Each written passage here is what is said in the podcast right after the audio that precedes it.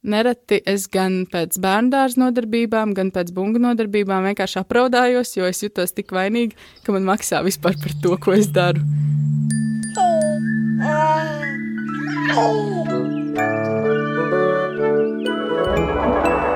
Labrīt, labdien, labvakar! Lai arī kur atrodies, tu šobrīd klausies audio stāstu par studentēm, kuras mācījušas bērnus un dalās savā pieredzē. Pie manis mācījās vairāk skolēnu, pārsvarā no 1 līdz 4 klasē. Stāsta studente, mūziķe Alma Anete Miķelsone, kura kā čela skolotāja mūzikas skolā vienas nodarbības laikā nezināja, kā reaģēt uz to, ko bērns viņai stāsta. Ir parasta diena, un mums jau sākas stunda, un šī meitenīte vispār bija tāds, tāds bērns, kuram ļoti gribējās plāpāt un staipīties un visu, ko tikai nespēlēt. Mēs sākam runāt par bailēm, un viņa man teica, ka viņai ir bail no tumsas. Un tad viņa pēkšņi teica, ka viņas mammai ir bail no tēta. Alma jutās apjukusi un nesaprata, kā rīkoties un ko teikt. Vai es tā kā viņai tālāk varu kaut ko prasīt, vai, vai man labāk tagad teikt, ķeramies pie darba, spēlējam. Bet nu es nolēmu, tomēr, ja nu kaut kas slikts, tad es tomēr pajautāšu, kāpēc tavai mammai ir bail no tava tēta. Mans tētis manu mammu iesūdzēja tiesā. Es jau nezinu īsti, kā reaģēt. Nu, cik, cik daudz es drīkstu zināt, cik daudz es nedrīkstu, bet, nu, Tas liek saprast, ka tomēr bērni visu dzird. Ja pat mēs domājam, ka viņi nedzird.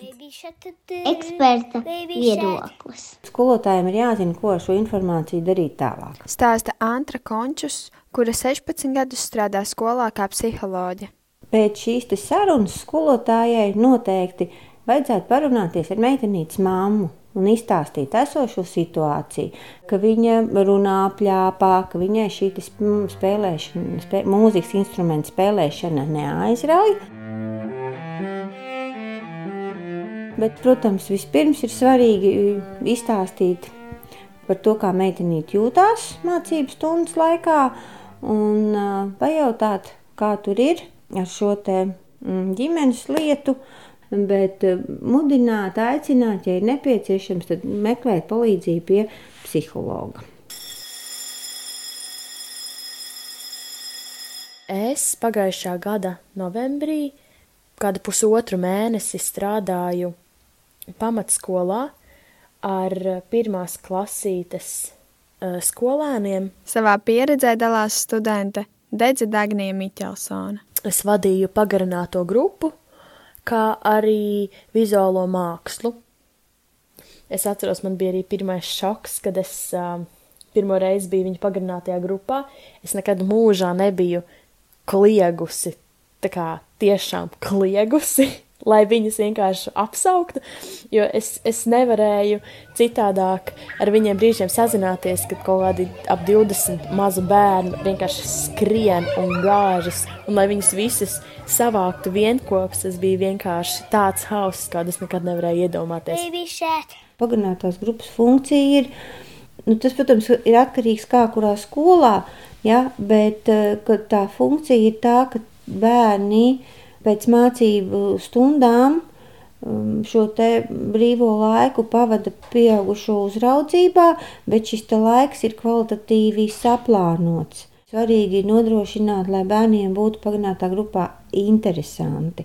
Un, ja viņi tiks nodarbināti, tad viņiem nebūs laika šādām te klikšanām, bļaušanām, daudzīšanām. Deidze stāsta, ka viņas prāt skolotāji jūtas tik izsmelti darbā ar bērniem, ka viņi daudz ko savā uzvedībā un attieksmē pret bērniem balsta uz iebiedēšanu.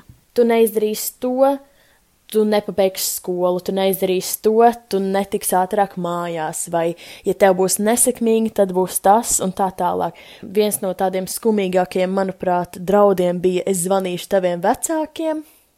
Īpaši tādēļ, ka daži bērni bija ļoti nu, vizuāli varēja redzēt, ka viņi ir nobijušies no saviem vecākiem, un man tas likās ļoti, ļoti nepareizi, ka šīs bailes vēl tiek papildus iedzītas. Dedzi kā piemēru min notikumu par puisīti, kuram zvans vecākiem bija veiksmīgākā draudu metode. Mums bija jāiet ārā, un viņš izskatījās šausmīgi sašķelts pēkšņi, un, un, un nerunāja, un kaut ko bubināja pie sevis. Es viņam prasu, kas ir. Viņš saka, es esmu pazaudējis cepuri. Es saku, nu nekas atradīsim, gan jau ir kaut kur garderobē vai klasē vai kur. Bet viņš klusiņām pilnīgi iet un pie sevis atkārto, tētis mani nositīs, tētis mani nositīs. Iespējams, skolotāji bieži pat nezina, cik slikta ir situācija mājās, un ka šie draudi vai kad tiešām sūdzas par viņu, nevis mēģina atrisināt to skolā turpat, tad tas bērns cieš mājās, un tas cikls viss turpinās. Protams, tu kā pieaugušais viņu vari iedrošināt un, un, un mierināt, bet ar vienu šādu tekstu, protams, ir uz to jārēģē, bet mēs nevaram izdarīt pārsteidzīgus lēmumus, nezinot mm, visu pārējo informāciju.